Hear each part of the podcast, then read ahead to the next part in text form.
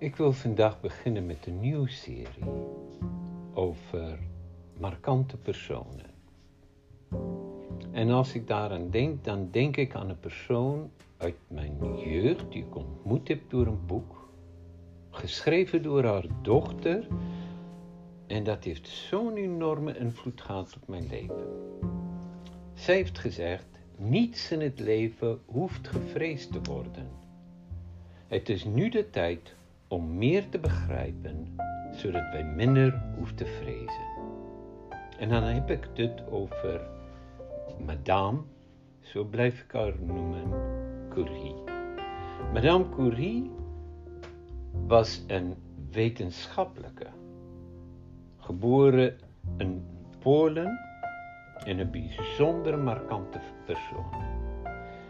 Ik heb als 14, 15-jarige mocht ik haar biografie lezen. Op een dag vond ik die in de bibliotheek. En omdat ik meer wilde weten over radioactiviteit en allerlei dingen, begon ik te lezen in haar boek, in de schoolbibliotheek. En later werd ik door de leraar die verantwoordelijk was in onze tijd voor de bibliotheek uit de bibliotheek geboenderd en gezegd: Wat wil je nou met het boek? Wil je het lezen of wil je het niet lezen?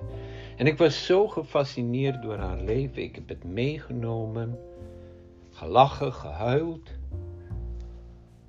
Maar als ik terugkijk, heeft ze mijn leven verrijkt.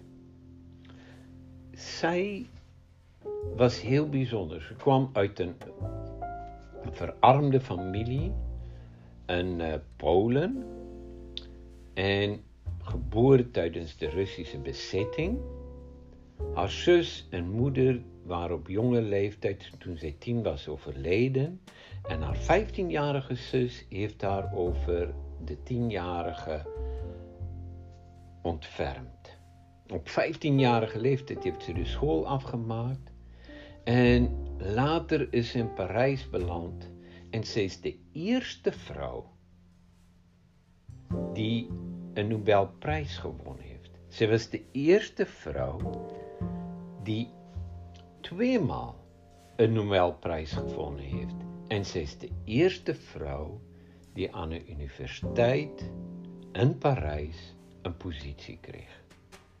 Madame Curie, die ontdekker de uitvinder van radioactiviteit en een enorme bijdrage geleverd heeft aan de wereld door haar enorme verlangen om dingen te begrijpen, te verstaan en die zich niet liet terughouden door uitspraken van anderen.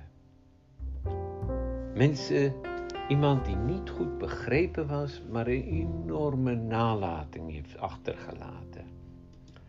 Als 14, 15-jarige heb ik haar boek gelezen en, en zij had een aantal uitspraken die me altijd bijgebleven is.